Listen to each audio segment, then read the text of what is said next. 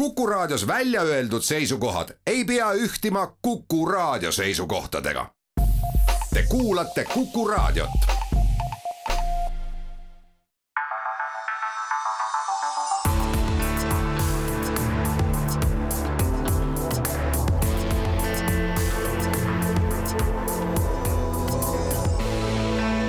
olukorrast ajakirjanduses meil on väljas kahekümne üheksas august, väljas on jahe. inimesed on tõmmanud jalga pikad püksid, pikad mantlid ja, ja siia Kuku raadio stuudiosse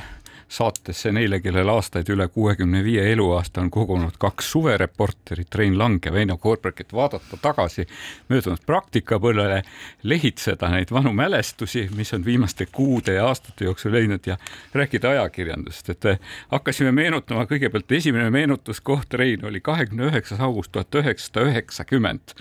eks ju, et täna järelikult siis kolmkümmend kaks aastat tagasi alustas Tallinnas saateid selline tore raadiojaam nagu Interliikumise raadiojaam Nadežda, mida sina sellest mäletad? meenutame heldimusega. jah, raadiojaam Nadežda, siis Vene Interrinde raadiojaam alustas tegevust kesklaine saatjaga saatja oli neil siis Tondi kasarmute juures, kus oli siis Vene sõjaväe osa. mida eda juhatas? edast- ja keda juhatas keegi Gerassimov. Gerassimovi doktriini see oli igavesti lõbus ettevõtmine, sellepärast et noh, ütleme see Vene niisugune infosõja element oli juba tol ajal ju tugevalt olemas et mitte ainult patriootlike vene lauludega ei üritatud mobiliseerida siis seda interliikumist, vaid ka selliste vahvate operatsioonidega. Ja esimene selline infooperatsioon oli raadiojaamas Nadežda, kes siis andis teada, et tulekul on külm, karm ja näljane talv. Ja et kõik inimesed, kellel on kartulikorv, võivad minna vabalt võtma kartuleid sovhooside ja kolhooside kartulipõllule, mida Tallinna ümbruses ikka natuke no, selle, oli. selle tagajärjel leidis kogu Lasnamäe üles kõik maha, nii-öelda omanikuta maha jäetud kartulipõllud no,. selle peale loodeti jah. natsionaliseerima siis. toredad, toredad kodakondsuse taotlejad läksid jah, kartulikorvidega rätikud ümber pea surutud, läksid siis põllule ja hakkasid seal omavoliliselt kartuleid võtma. iseenesest, millele ju loodeti, oli see, et tekib mingisugune tohutu konflikt, eks ole, et neid hakatakse seal nuutidega Eesti politsei poolt laiali ajama. Aga millegipärast ikkagi see signaal jõudis, et ei, ei, et ei, päris niimoodi ei ole, et see on nagu tasuta vara, mida võib võtta. ja oli küll üksikuid juhtumeid, kus seda kartulit võeti, aga üldiselt märuliks ei läinud, nii et infooperatsioon just suurt äh, kandepinda ei leidnud. ja ega ei läinud ka kaua, kui see putka pandi kinni, aga igal juhul oli meeleolukas kuulamine, isegi kuulasin seda. no igatahes jah, et tulekul on külm ja külm ja näljane sügis, külm ja näljane talv, sellepärast et kui vaadata eilset Vene propagandatelekanalilt NTV, siis eile hommikupooliku jooksul jõuti seal eetrisse anda vähemalt viis videolugu sellest, et kuidas kogu Euroopa nälgib ja külmetab. nii et kui arvestada seda hüsteeria nagu temperatuuri või palavikku, siis arvatavasti hakkab see hapuaeg ka Venemaa majandusel kätte jõudma. ei Aga..., sul, ma arvan, ongi õigus, et see, see narratiiv, mida praegu Moskvas on välja mõeldud, see on üks-ühele sarnane selle raadiojaama Nadežda narratiiviga ehk siis ka toona ennustati ette, et Eesti natsionalistide poliitika viib eh, nälgimise ja külmetamiseni ja nüüd siis sama juttu räägitakse Vene telekanalite ja kogu selle masina kaudu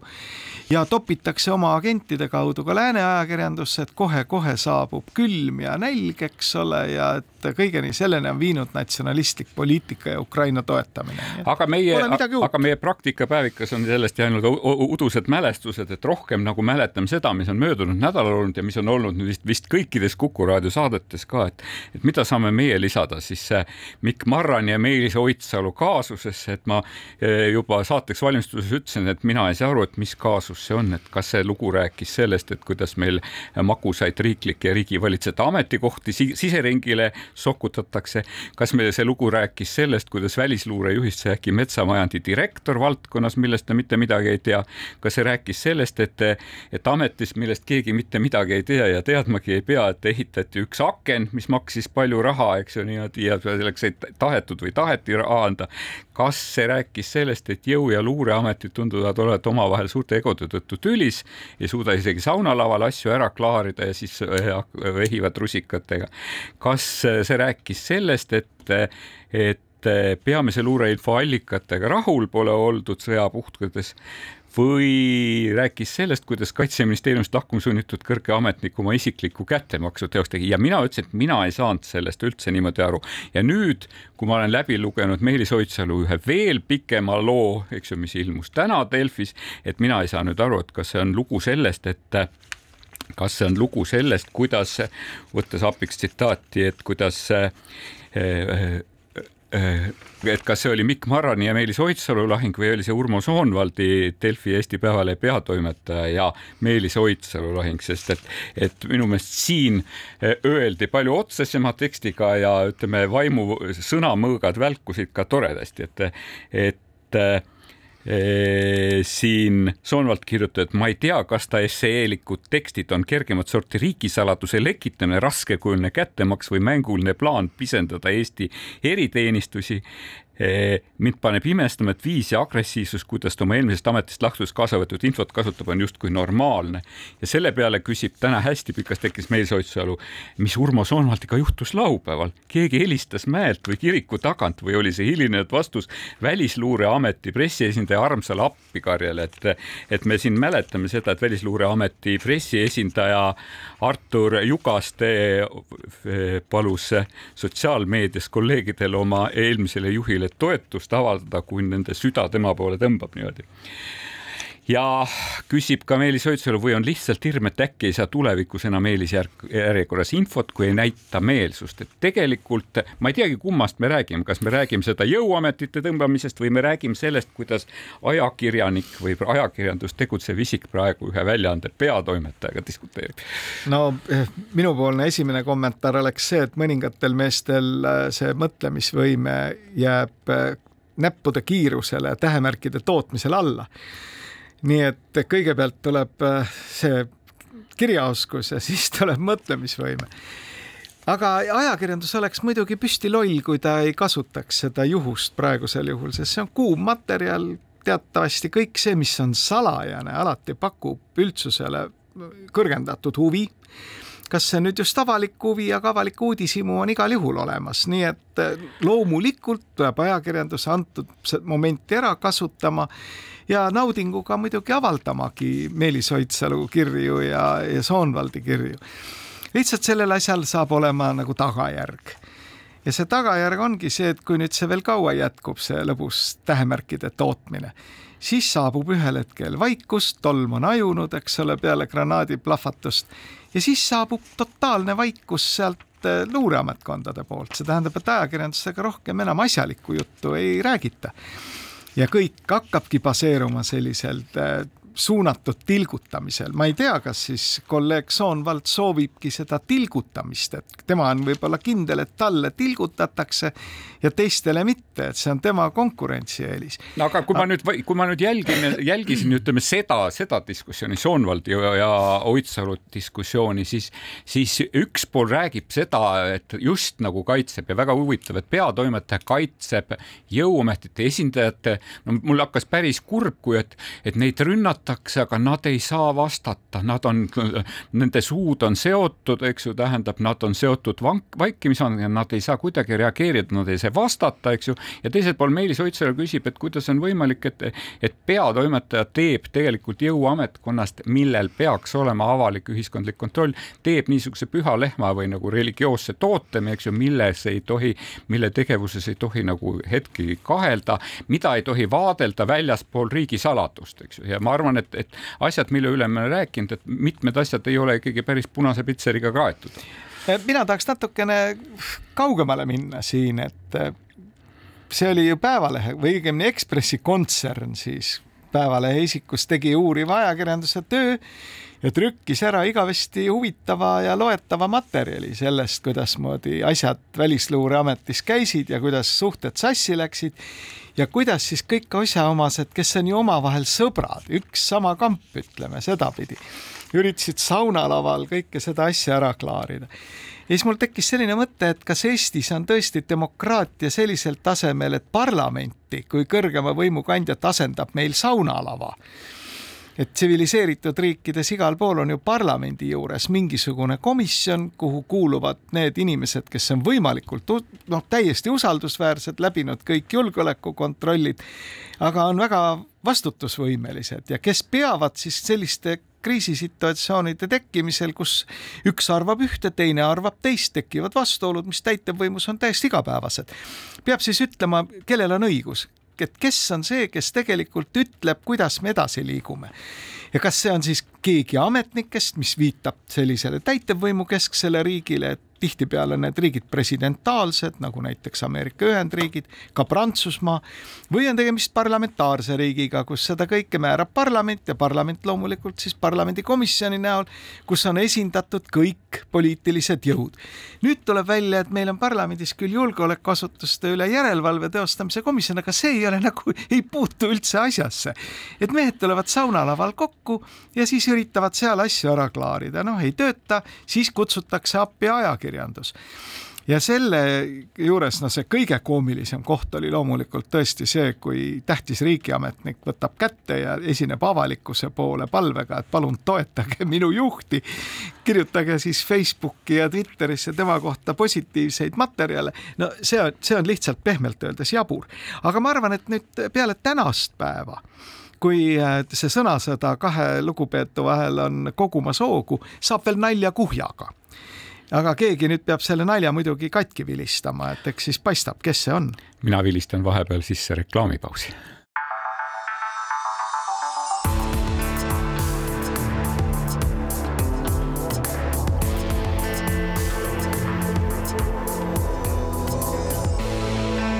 olukorrast ajakirjanduses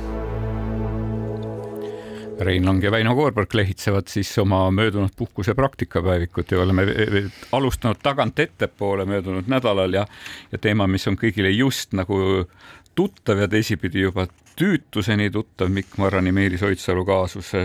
kõrvale sinna ka Urmo Soonvaldi ja Meelis Oidsalu kaasus ehk et. oi, aga miks me arvame, et sinna kohe ei lisandu keegi, eks? kui aval-, jah, et, et selles mõttes, et kui avalikud siis ikkagi need meie, ütleme, luureasutused, ka tegelikult jõuametid, kui avalikud on ja kas need konfliktid peaksid kusagile jõudma, sa rääkisid ju tegelikult parlamentaarsest riigist, kus nagu tegelikult võiks olla, võiks olla parlamendi kontrolli all, et nagu mina olen olen nendest materjalidest möödunud nädalal aru saanud, eks ju, on jäänud mulle ikkagi mulje, et, et ega see par-, ega see parlamendi et julgeolekuinfot vajavad, kasutavad, haldavad ja ka jagavad inimesed tegelikult vist teatud mõttes ka jagasid seda kriitikat, mida, millest Meelis Oidsalu kirjutab. no kahetsusväärselt on täitevvõimus piisavalt täna neid inimesi, kes edendavad sellist mõtteviisi, et kuna parlamendis on lollpead, siis järelikult nendele ei tohigi midagi rääkida, eks ole et no sellise mõtteviisiga muidugi väga kaugele ei purjeta, aga see on nagu parlamendi asi ja parlamendi enesekehtestuse asi. Et eks julgeolekuasutuste üle järelevalve komisjonile on praegu mõtlemise koht, parlamendi juhatusel on kindlasti mõtlemise koht. ma ei tea, kas Ratasel nüüd tantsu õppimise vahelt aega on, võib-olla ei jagu, aga seal on ka kaks ase, tähtsat asejuhatajat, eks ole, härrased Helme ja Seeder et ma arvan, et ka no, nemad peaks... Nemad on juba, mõni neist on juba nagu süvariigi poole vaadanud, eks ju, või süvariiki nimetanud, aga, aga no minu, minu puhul on lihtsalt, et kui avalik see protsess peaks olema ja, ja tegelikult teisipidi mina vaatasin sellele Oidsalu artiklile kui kommunikatsiooniäpardusele juba selle tõttu, et kui saabus uudis Mikk Marrani minekust metsamajandi juhiks, et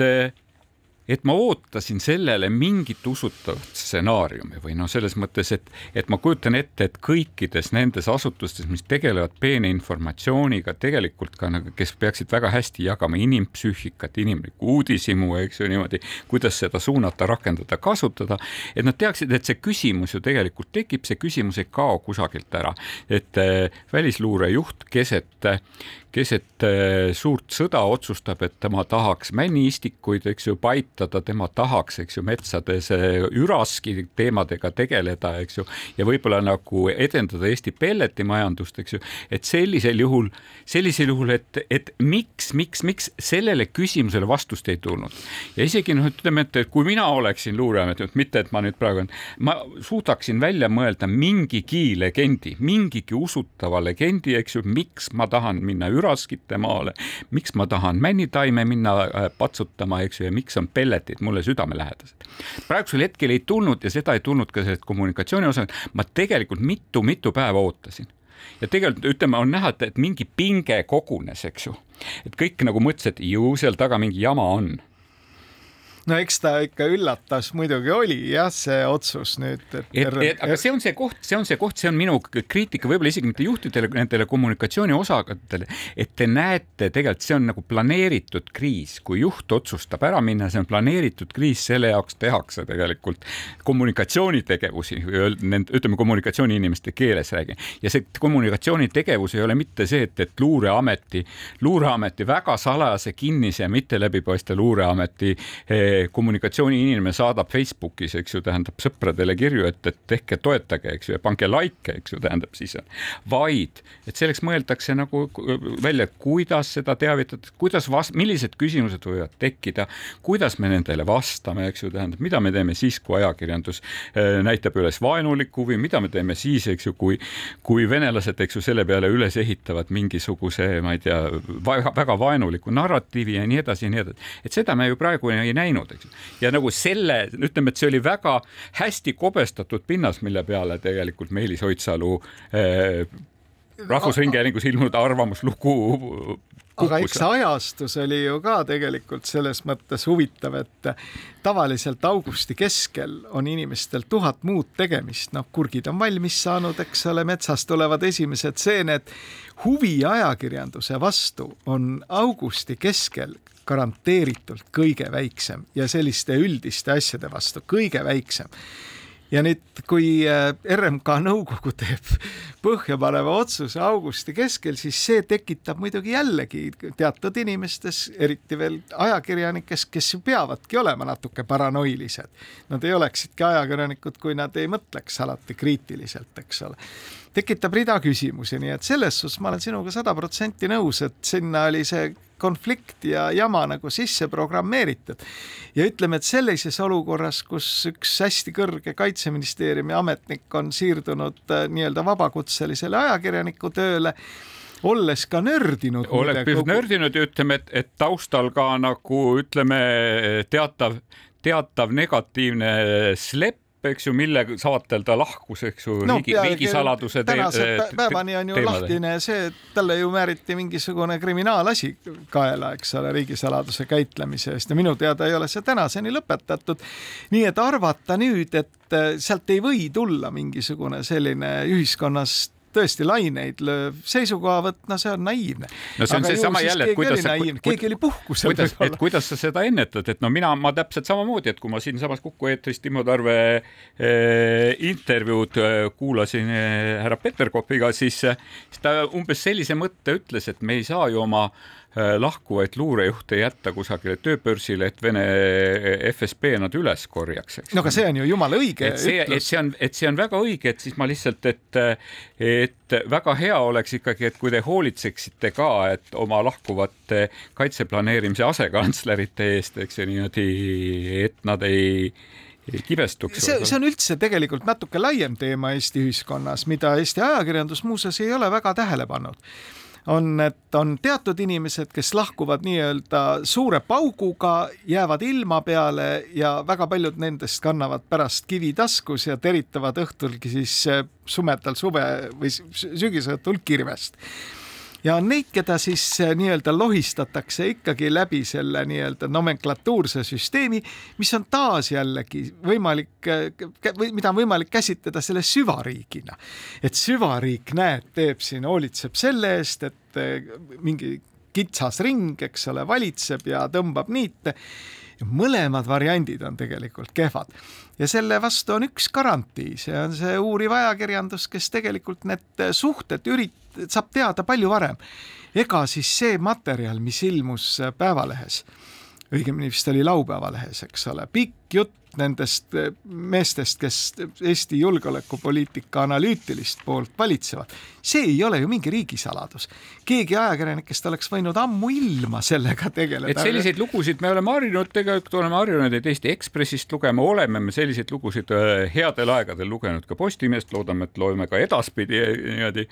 ja, ja, ja selles ei ole tõesti midagi erakordset ja, ja ma sellepärast, no ma ütlesin, ma oleksingi väga ettevaatlik, et ma pööraksin ka tegelikult äh, lisaks Marrani ja Oidsalu konfliktile pööraksin tähelepanu ka Soonvaldi ja Oidsalu nagu vastuolule, et et et toimetused ei võtaks nüüd kuidagi vaikimisi seda, et kõik, mis puudutab äh, välisluure või kaitsega tegelevaid asutusi, et ärge sinna oma nina toppige. Et, et ma ei tahaks selliseid soovitusi küll kuulda ühegi ajakirjaniku ega ka ühegi ajakirjandusjuhi suust, et võib-olla see. ei, absoluutselt ja ma kordan veel seda oma mõtet ka, et ega siis, kui nüüd vint üle keerata ja hakata kirjutama ülevaateid stiilis, et kuidasmoodi ma presidendiga Islandil käisin. mida Ai, ma olen täiesti oli, ma, veendunud just..., et Krister Kivi jaoks on see viimane presidendi Rein, ma just tahtsin öelda, et kui mul oli möödunud nädal nagu kaks toredat lugemiselamust ja, ja ilma igasuguse irooniata, võib-olla nagu nendes lugudes oli irooniat rohkem, et see oli Krister Kivi reportaaž, kuidas ma vabariigi presidendiga Islandil käisin ja see oli Vilja Kiisleri intervjuu Juhan Partsiga, et need on nüüd nagu kaks raju asja tegelikult möödunud nädala. jah, aga no ütleme, sinus vist praegu kõneleb ikkagi Õhtulehe peatoimetaja, et see materjal on ju õhtulehelik. see oli väga õhtulehelik, kuigi selle, selle nagu juurde lisatud intervjuu, eks ju, tähendab, oli väga okei okay,, ei saa midagi ütelda. ja, aga mina oleks tahtnud ikkagi, et Juhan, vana kolleeg, oleks saanud oma mõtted öelda välja tasakaalukas vormis ja sest seal oli ju selles intervjuus oli õige mitu huvitavat kohta.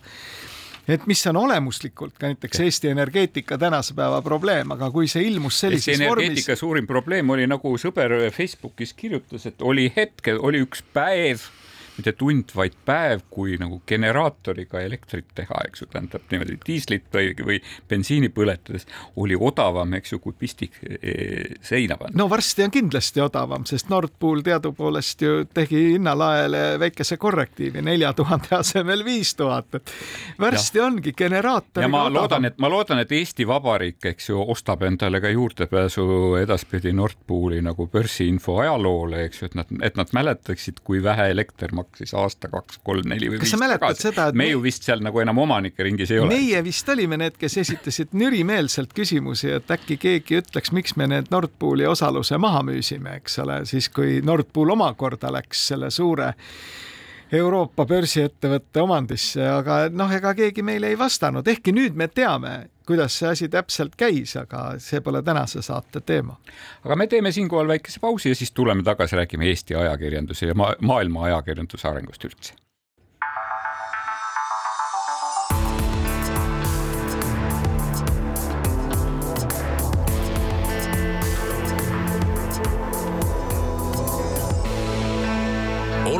Olukorrast ajakirjanduses. Värskelt puhanud Rein Lang ja Väino Koorberg on stuudios tagasi ja me räägime siis tegelikult, hakkame rääkima Eesti meedia allakäigust ja see allakäik nagu sai tegelikult tugeva lööbi, löögi juba es, möödunud nädala esmaspäevast, kuid tegelikult äh, tihenesid äh, küberrünnakud Eesti suure, tegelikult alguses vist Delfi portaali vastu, aga, aga nädala lõpuks need rünnakud tegelikult leidsid sihtmärgi ka Postimehe ja Õhtulehe portaalide juures, nii et tegelikult oli eh, nende toimetuste ja meediamajade IT-inimestel ikkagi käed-jalad olid tööd täis et me nägime, et eh, olime võetud sihikule, et kuigi tundus, et need IT-inimesed olid, kõik rääkisid väga diplomaatselt, et päris üheselt ei saa öelda, et eh, see rünnakuid tuli igalt poolt, aga neid tuli tegelikult küllaltki palju eh, just sealt ida poolt ja seoses, seoses tegelikult selle poliitilise olukorraga, Eesti otsusega viisade osas, eks ju, Eesti otsusega sõjamonumentide osas ja nii edasi ja nii edasi. arvatavasti võib seal teatava uduse sideme tõmmata, et lihtsalt mõni aeg oli, olid meie portaalid täiesti juurdepääsmatud, et, et meenutas natukene pronksiööd, mulle tundus. Ja no mind küll häiris see teadaanne, et juhul, kui see nüüd on tõsi, et kinnita või lükka ümber, võib-olla sul on rohkem infot, et eh, sealt Riiast ehk siis Eesti riigiasutusest, mis peab kaitsma Eestit väliselt tulevate rünnakute vastu, tuli see signaal, et meie hoolitseme nagu Rahvusringhäälingu eest, aga need Postimees ja Eesti Ekspress no, ja need vaadake ise. arvatavasti asi on selles, et noh, et, et seadusega on neile pandud nagu teatavad kohustused ja seaduses on määratletud, et Eesti Rahvusringhääling on siis üks neid eh, nii-öelda strateegilisi ettevõtteid või riiklikult tähtis teenus, eks ju, mille püstiseismise eest peab siis eh, RIA ehk eh, hoolt kandma, et et, et minu meelest siin peaks võib-olla natukene alustama seda diskussiooni ja, ja seda on, seda on ka Ekspress Grupi juht Mari-Liis Rüütsalu oma avalikes esinestes öeldes, et peaks avama selle diskussiooni, et kas tegelikult Delfi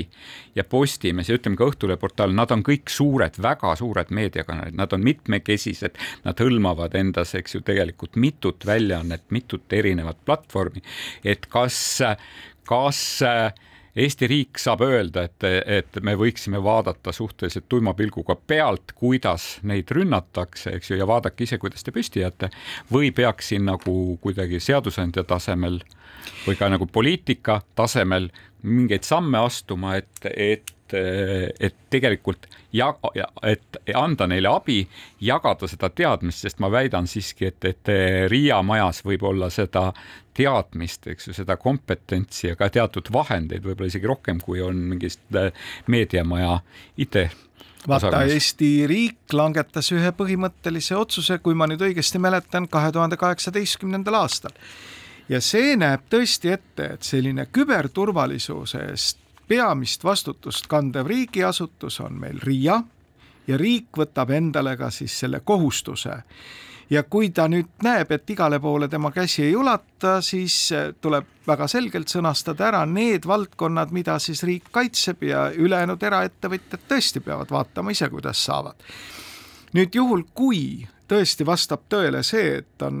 võetud vastu otsus, et Riia kaitseb eelkõige Rahvusringhäälingut ja nüüd need teised vaadaku ise, kuidas saavad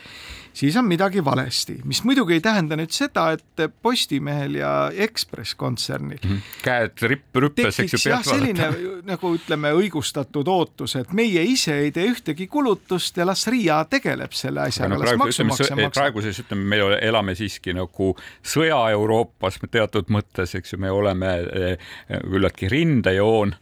ja aga vaata, mida ma tahtsin öelda, oligi nii, et enne kahe tuhande kaheksateistkümnendat aastat oli see küberjulgeolek paljuski selline nagu võrgustik, mida väga tõsiselt ajas Johannes Kert, kadunud Eesti äh, kindral, kes oli pikalt ka Riigikogu liige. Ja tema nägemus oli selliselt, et kõikide intsidentide vastu parim kaitse on selline Kaitseliidu tüüp tüüpi vastas, vastu tegutsemine. ehk kui midagi tekib, siis kõik ühendavad jõud, eks ole, ja nii eraettevõtjad kui ka riik ja kõik tekivad mingid struktuurid, mis asuvad siis leppimatusse võitlusse vastasega, nagu Kaitseliidu põhimõte on ja nüüd Eesti riik langetas otsuse, et ei, see ei pruugi ikkagi olla garant, aktsepteeritud ja Riia eestvedamisel tegigi seadusandja paranduse,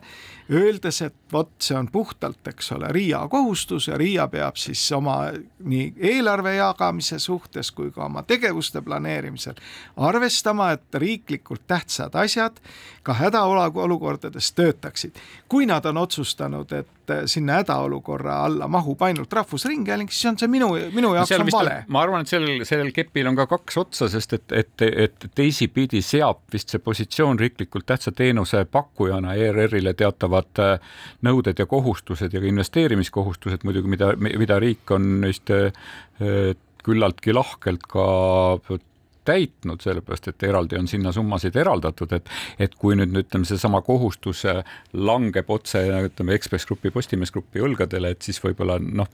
võib-olla mõeldakse selle asja teisipidi, aga ma arvan, et seda diskussiooni peaks alustama, sest et, sest tõepoolest, eks ju, Delfi ja Postimees, nad on suured ja nad on mingis mõttes ikkagi suuremad, suuremad, nende auditoorium on suurem kui, kui ütleme, ERR-i portaalil. täitsa kindlasti ja ütleme, et see on nüüd mõtlemise koht minu meelest jällegi Eesti parlamendile et ta ükskord langetas otsuse, mis võib-olla ei olnud kõige mõistlikum. äkki peaks praegu just nimelt käima parlamendikomisjonides selle üle mingi diskussioon. Need küberründed ja see kübersõda on tulnud selleks, et jääda. selleks, et jääda see ja see on üks osa sõjapidamisest. meie suurimaid riske ja ütleme, et kui võtta niisugune hoiak, et meie siin, et riigiasutusi nagu, nende eest hoolitseme, aga eraettevõtted vaadaku ise, kuidas saavad, siis see on ka umbes selline loogika, eks ole, et kaitseme Eesti Panka, aga Swedbank vaadaku ise, kuidas saab et tegelikult riskid on ikkagi nagu seal Swedbanki pool nagu selgelt Suurem. suuremad. aga me, ei taha ainult äh, küberturvalisusesse kinni jääda, sest tegelikult selle suve jooksul, meie puhkuse jooksul tuli veel üks uudis, mis mind tegi natukene murelikumaks, see oli sellel hetkel, kui Eesti Meediaettevõtete Liit teatas augusti alguses, et me oleme kogu aeg rääkinud sellest, et kui jõudsalt ja mühinalt kasvab digitellimuste arv Eesti väljaannete puhul. Eh, siin on raporteerinud ka tegelikult Ekspress Grupp raporteeris, et aastaga on nad eh, teise kvartali seisuga, et digitellimused on kasvanud kolmkümmend neli protsenti, et neil on Balti riikides juba sada viiskümmend üks tuhat ja peale digitellimusi Eestis kaheksakümmend neli tuhat, eks ju aga murelikult öeldi, et seda, et see kasv on teises kvartalis jäänud seise, me oleme isegi juunis näinud äh, kerget tagasiminekut, me oleme näinud, et see digitellimuste arv on kahanenud, et vaatasin näiteks, et Õhtulehes, mille digitellimuste hulk aastaga võrreldes on kasvanud kolmkümmend kaheksa protsenti, et teises kvartalis on tagasiminek olnud seitse protsenti. et kas see nüüd tähendab seda, et meil on suvi kas see tähendab seda, et meil on, et me olemegi nüüd jõudnud mingile uuele platoole, et eks ju see, mis tõi meid siia, ei vii meid enam edasi ja me peame leiutama mingisuguse triki, et sealt äh, kuidagi ülespoole ronida või on ta, või on siis äh, mingi muu põhjus, et ma võisin oletada, ma lugesin Ekspress Grupi börsiteadaannet, seal Mari-Liis Rüütsalu ütles, et, et kuna seal oli teises kvartalis hästi palju sooduskampaaniaid, eks ju, tähendab, mis, milles tellimuse arv, tellimuse hind jäi alla ühe euro, eks ju, et siis need, need numbrites ei kajastu. et noh, see on kokku lepitud, et tasuline tellimus on kõik, mille eest makstakse vähemalt üks euro kuus, eks ju, et, et tegelikult tellijaid on rohkem, aga, aga et kas me oleme jõudnud nüüd mingisuguse väsimuse hetkele või, või algab sügisest see uus, uus ronimine, et, et ma saan aru, näiteks Ekspress Grupp tahab Baltimaades saada kahe tuhande kahekümne kuuenda aasta lõpuks kolmsada nelikümmend tuhat digitellijat, et sinna on veel tegelikult äh, minna, minna, minna, et, et tuletame meelde, et praegu hetkel on see number sada viiskümmend üks tuhat, kaks koma kaks korda tuleb kasvatada seda. tuletame iseennast meelde, kunagi me oleme kogu aeg rääkinud, tagunud seda mantrat, et Eesti ajakirjanduse pääsetee on tegelikult see digimaailm paar aastat tagasi me rääkisime, et alla saja tuhande digitellimuse ei tule välja, et sisu tootmiseks raha ei jää. Siis me natukene arvutasime Väinoga ja leidsime, et tegelikult selline noh, miinimumnumber on sada viiskümmend tuhat digitellijat, et sellisel juhul võiksime rääkida arvestatavast ja, ja sisu, arvestatavast sisutootjast. Nii et kui Ekspress Grupp teatas börsile, et tema digitellimuste arv on sada viiskümmend üks tuhat kolmsada kakskümmend kaks, siis Balti ta... riikides kokku siis see jääb veel alla jah, sellele saja viiekümne tuhandele Eestis. näiteks ma võin öelda numbreid, et Läti Delfis on digitellimusi kaheksateist tuhat sada üheksakümmend ja Leedus on Delfi digitellimusi kakskümmend kaks tuhat kakssada viiskümmend kuus, see on teise kvartali lõpu seisuga. nii et ütleme et siis, et Eestis sada tuhat, eks ole, tegelikult on tükk maad veel minna, et äh, rääkida sellest, et digitellimustega saaks katta ära normaalsed sisutootmise kulud nüüd miks ta on äh, peatunud, see, et äh, see on muidugi ainult spekulatsiooni, me võime tegeleda ainult spekulatsiooniga siin, muidugi on suvel roll et kui ma ikkagi tahan olla varbad vees ja vaadata taevasse, lugeda sealt varblasi, eks ole, miks ma peaksin siis hoolitsema selle eest, et ma, mul digitellimus jookseb, et ma teen sinna väikse katkestuse. et vaatame, mida nüüd toovad september-oktoober, sest ega infovoogu ju ikkagi sa saad ka kätte tasuta ilma digitellimuseta Eestis et meil on olemas Eesti Rahvusringhääling, meil on olemas ikkagi tasuta teenused endiselt veel Postimehel ja, ja Eesti Päevalehel ja Delfil, mis minu arust on nagu kaheldav, et võiks kaaluda tegelikult ikkagi, et midagi ei saa tasuta ja siin on minu meelest see mõtlemiskoht ka Eesti poliitikutele, et kas see on ikkagi nagu nagu päris sada protsenti kindel, et Eesti Rahvusringhääling peab teile tegema tasuta hommikusöögi, õhtusöögi ja lõunasöögi. et nii meelelahutuse filmid, seriaalid kui ka uudised, kõik plärtsatavad su teleekraanile, ilma et sa ise peaksid nagu sentigi selle eest maksma. selle kohta nagu on äh, ikkagi meil seal olemas juhatuse liige, kes tegelikult kandideeris ERR-i juhatuse esimehe kohale, minu meelest ka oma sõnavõttudes platvormis nimetas teatud teenuste võib-olla ka tasuliseks muutmist. no minu meelest küll jah, et ma saan aru, et riiklik huvi võiks Mart olla. Luik minu meelest sellest, sellel teemal ju rääkis. jah, et uudised nii raadiost kui televisioonist on tasuta kättesaadavad, mingid analüüsisaated, diskussioonisaated aga kas ikka kõik BBC kvaliteetseriaalid peavad kodu tulema ja need on kõik vaadatavad ka suures puntras kokku, eks ole, nii et sa ei pea ühtegi senti maksma. aga meedia, aga meedia allakäik ei, ei, ei toimu ainult Eestis, see allakäik on mul ka teatavas jutumärkides kujundina, et tegelikult on, on uudised tulnud sellest, et uudiste tarbimine üldse väheneb nii Ameerikas kui Venemaal, et tegelikult võrreldes möödunud, no, no ühtepidi ütleme, et Ameerikas eh, seesama koroona ja presidendivalimised ja need tegelikult kergitasid eh, möödunud aastatel, tegelikult möödunud viimasel aastal aasta seda huvi-uudist vastu küllaltki kõrgele, aga, aga tegelikult sellel aastal ei Ukraina sõda, ei need tegelikult ei mingisugused saritulistamised, ei ülemkohtu abordi teema ei ole tegelikult seda huvi üleval hoidnud ja on tulnud uudis, et kolme suurima kaabeltelevisiooni vaadatavus on keskmiselt üheksateist protsenti langenud, et kusjuures, et kõige rohkem vaatajaid kaotasid CNN ja MSNBC, eks ju, ja, ja tegelikult Fox Newsi vaadatavus kasvas ja uudiste äppide kasutamine on kuusteist protsenti langenud. ja kui me nüüd teisipidi vaatame, ütleme, peidame eh, pilgu, et ühel pool on vaba ajakirjandus, teisel pool, eks ju, tähendab mitte vaba ajakirjandus, siis Venemaa äh, Eh, teleuuringuid vaadates juhtub seda, et Kremli-meelsete telekanalite vaadat-, vaatajaskond on tegelikult üha kiiremas tempos samamoodi langemas, et et tegelikult on tulnud uudis sellest, umbes iga, iga neljas venelane ei vaata enam üldse telekat, ei vaata telekanaleid ja ja kuuskümmend viis protsenti ütles, et ta vaatab Venemaa riiklikke telekanaleid, et sõja alguses veel, et tegelikult aasta alguses oli see kaheksakümmend kuus protsenti, et meil on, meil on kakskümmend üks protsendipunkti on vähenenud nagu riiklike telekanalite vaatajate hulk, eks ju, ja, ja, ja ja tegelikult nii Pervõi kanali Rossija ühe kui ka NTV vaadatavus on ligi veerandi kahanenud, et seal on Rossija vaadatavus äh,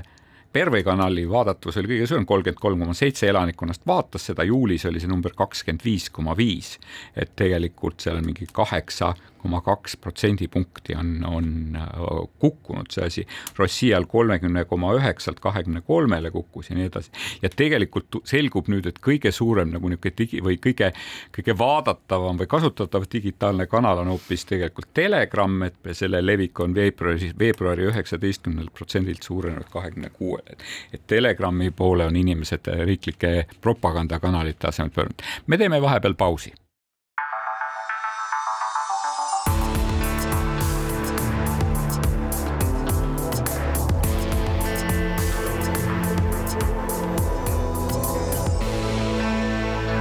olukorrast ajakirjanduses.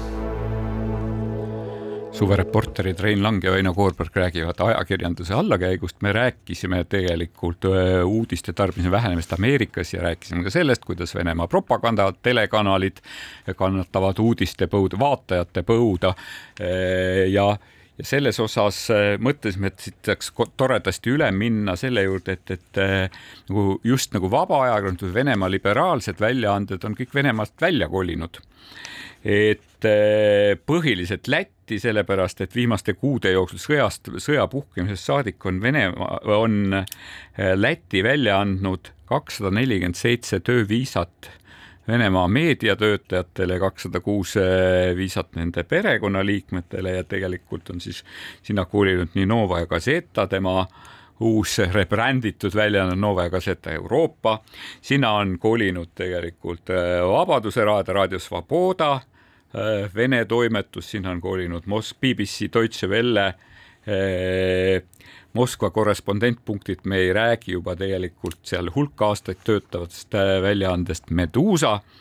ja, ja tegelikult nüüd alustas seal ka kaheksateistkümnendal juulil tegevust siis telekanal Dožd, eks ju, mis teatavasti kolmandal märtsil äh, Venemaal Moskvas oma tegevuse just nagu peatas, lõpetas, eks ju, ja enamik ajakirjanikke sõitis Venemaalt välja et noh, tundub, et meediavabadust, kui palju, et, et jälle hakkas mulle silma tegelikult väike skandaal, mis augusti alguses oli, et mis, mis tegelikult sundis tõstatama küsimust, et kui kui pikka tulevikku saab sellisele emigrantlikule Vene ajakirjandusele lähiriikides üldse ennustada ja selle põhjuseks oli, selle põhjuseks oli tegelikult siis äh, üks juhtum või mitte juhtum, üks intervjuu, mida Dosti ajakirjanik, nende uudistetoimetuse juht Jekaterina Kotrikadze, see on, tema on Dosti peatoimetaja Tihon Zetko abikaasa, tuntud pikaajaline kogenud uudisajakirjanik, tegi intervjuud Riia linnapeaga Martin Stakisega ja seal tuli juttu, muuseas tuli juttu ka noh, ta, seal tuli juttu nii sellest venelaste viisade keelamist, aga tuli juttu ka punamonumentide mahavõtmisest Lätis. Ja, ja ajakirjanik esitas linnapeale küllaltki teravaid küsimusi, sai nende peale väga asjalikke, mitte ümaraid vastuseid, eks ju, ja kõik oli okei. Okay tundub, et nagu seal mingi poolteisetunnine saade, eks ju, mille seas oli pikk intervjuu linnapeaga, kõik läksid rahulikult lahku, aga aga tegelikult selle peale ennast tõmbas käima kuulus Läti noor, mis ta on, Riia, kas ta on Riia Noorteater või, lavastaja äh,, lavastaja Alvis Hermanis kes tegelikult tegi kõigepealt sotsiaalmeedias hästi terava postituse ja süüdistas nii telekanalit ja selle ajakirjaniku üldse impeeriumimeelsuses, poliitilises manipulatsioonis, mis ei ole üldse Läti huvides, et eks ju, et ta ütles, et on tekkinud mulje, et see telekanal on siin, et meie riiki seestpoolt lõhkuda, et nimetas seda suurvene šovinismiks, eks ju, ja ta ütles, ma palun tungivalt Läti julgeolekuorganitel tühistada nende tööluba ning õigus siia jääda ja mida varem, seda parem. Et tegelikult ma mäletan, et kui me rääkisime Tostist, et, et sina ütlesid seda, et kas need riigid, kes on nõus Vene ajakirjanikke enda nagu eh, hoolde võtma, et kas nad suudavad neile tagada ka turvalisuse. aga nüüd on, nüüd me oleme nagu telje teises otsas pisut. No tegelikult see ongi see miljoni dollari küsimus, ma natuke kommenteeriks seda sinu numbreid äh, ametlike Vene telekanalite kohta jah, ma ka lugesin neid ja ma hakkasin kohe mõtlema, et aga kust need äh, uuringud nagu pärinevad. et kas me võime ikkagi olla nagu päris kindlad, et need vastavad tõele no see, see allikas milles... on sõltumatu uuringufirma Rosmir on see igatahes. aga kas ei ole seal jällegi no. nagu natukene seda meie soovmõtlemist, et vaat kui midagi nagu selles sõjateadetes, et me näeme igas äh, ukrainlaste pisikeses edus nagu oma soovmõtlemise kaudu mingit pööret, eks ole. ja samamoodi, et kui see Vene propagandamasin kuskilt krigisema hakkab ja tema vaadatavus hakkab vähenema, et siis see on nagu tohutu positiivne näide ja nüüd äh, hoopiski tõsisem minu meelest on see, et kui paljude Venemaal elavate inimesteni jõuaksid need kanalid, mida täna toodetakse Prahas ehk siis Current Time, mida finantseerib selgelt Ameerika Ühendriikide maksumaksja läbi Voice of America ja, ja Radio Free Europe'i aga ka siis need kanalid nagu Dožd, Medusa, mida, mis töötavad tõesti Riias. no me näeme seda, et, et, et me näeme mõju? ju tegelikult, et VPN-i kasutus Venemaal on vist kuus korda kasvanud. me näeme seda, et tegelikult Youtube ei õnnestu Venemaal kinni keerata, sellepärast et ühtepidi siis ei jõuaks ka venelaste enda propaganda Vene, nende elanike, elanikeni, eh, kes telekat ei vaata, see just sellest lähtudes on, on sellega pikalt viivitatud ja venitatud, eks ju niimoodi. ja me näeme ju sedasama tele Telegrami kasvu, kus tegelikult kõige populaarsem Telegrami kanal ei ole ju enam tegelikult Kremli propagandistidel, sellepärast et Simonjani kanal oli, Margareeta Simonjani kanal oli üks esikohal, aga Aleksandr Nevzorov juhib praegu seda kõige vaadatavate või kõige loetavate Telegrami kanalite edetabelit. ja, aga me ei, ei saa ju võtta nagu aluseks sellist mõtet, et Kremlis istuvad nagu puruidioodid, eks ole, et teevad ühe rumala otsuse teise järel kui nüüd üritada ennast panna nende kindralite saabastesse, siis see mõtteviis võikski olla see, et ärme lähe seda teed, et me üritaksime mutreid kinni keerata, vaid üritame maksimaalselt saada oma inimesed nendesse emigrantlikesse kanalitesse ja tekitada nendevahelisi tülisid, nende kanalite vahelisi tülisid, nende tülisid kohalike võimudega, nii nagu siis juhtus praegu juba Riias ja ajada omaenda mingisugust äh, narratiivi sinna sisse, kuni valeuudisteni välja, eks ole. et selles mõttes oleme sinuga nõus, seda on, seda ka nõukogude ajast me mäletame, aga, aga no konkreetselt praegu sellist, et ka selle kohta märke on, sellest on märke sihuke hõõrumiste ja tülide suhtes ja nende välismaale kolinud ajakirjanike suhtes. ma juba märkan, et omavahel hakkavad isegi suured nimed hakkavad üksteist kritiseerima, hakkavad nimetama, hakkavad esitama küsimusi, aga miks sind pole vangi pandud, aga miks sind pole välisagendiks, eks ju tunnistatud, kuidas sinul lastakse seal tegeleda. tegelikult räägitakse ka selle Tosti kohta, see Maria Zahharova Venemaa välisministeeriumist kohe, kohe teatas, et oi, et me mäletame küll, et nii kui Tost oma tööd alustas, et, et nad käisid seal Läti julgeolekus pikal-pikal-pikal vestlusel ja neid sunniti alla kirjutama, ma ei tea, millisele vaikimisvandele et äh, ma pole päris kindel, sest minu meelest pärast äh, Läti pool küll ütles, et midagi niisugust pole olnud, aga me näeme tegelikult ka seda, et seesama emigrantlik ajakirjandus, tal on väga tugevad äh, kohanemisraskused. Väga suured kohanemisraskused just selle, ütleme seal, seal kohalikus keskkonnas, kus sa tuled Moskvast, sa oled olnud, sa oled harjunud läbi pragude, eks ju, tähendab pugema kusagilt äh, sellest äh, Putinist ja Peskovist ja, ja kõikidest nendest mööda, eks ju. sa oled harjunud, eks ju, selle uuskeelega, kus nagu asju ei nimetata nende sõnadega, nimetatakse teisipidi ja, ja siis sa tuled ja siia, siis sa saad peksa, et sa tuled meie kirikusse oma selle palveraamatuga. et, et siin ennustus on, ennustusi on jah, et, et võib-olla, et kui nad ei suuda kohaneda sellisena, et siis, siis õige varsti see tee hakkab, eh, siis see tee hakkab neil. aga see, mida Väino praegu rääkis, ma arvan, et me meie, meie vaimsele tervisele tuleks kasuks, kui me vaataksime seda juttu koos selle show'ga, mida praegu on korraldatud Eestis luureteenistuse ümber. jah. et need kaks asja ei, ei pruugi ilmtingimata olla omavahel seotud, aga nad võivad olla. aga me hakkame seotud. otse kokku tõmbama, sellepärast me ei jõudnud rääkida tegelikult järgmises saates ehk räägime Helsingin Sanomaa riigisaladuste protsessist. me ei jõudnud tegelikult rääkida ka sellest, et prokuratuur kaebas edasi otsuse, millega tühistati Eesti Ekspressi ajakirjanikele määratud trahvid eks ju. ja me ei jõudnud rääkida ka tegelikult sellest, kuidas äh, Indrek Tarand ja oma järjekordse fopaaga hakkama sai. väga kahju, ma oleksin väga oodanud, et ta läheb sinna Minskisse, on õige mees. Aga me saadame just talle, saadamegi tervituse saate lõpuks ja kohtumiseni nädala pärast oh. ma käisin sünnipäeval ning mu keha on pisut nõrk. aga praegu istun ma oma mersu tagaistmel ja diiselmootor laulab mulle vaikselt laulukest. hea, et sain kupatada rooli taha Eide, kellega ma ka vahekorras olin. ma kiikan õhtupimeduses tähti taevas ning nüüd teel koju on kõike aeg meenutada. mu sõber Raimond oli sünnipäevalaps ta sai jälle aasta vanemaks.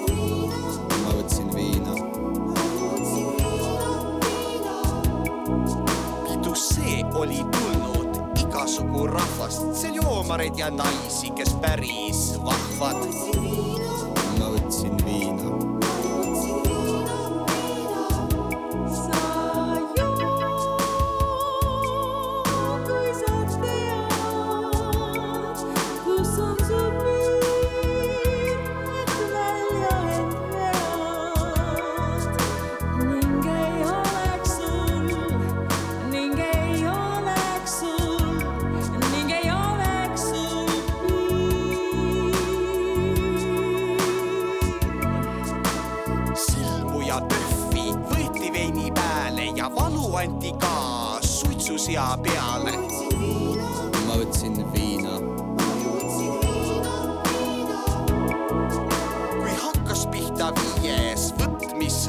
Selleks ajaks kuumaks köetud oli Soome saun.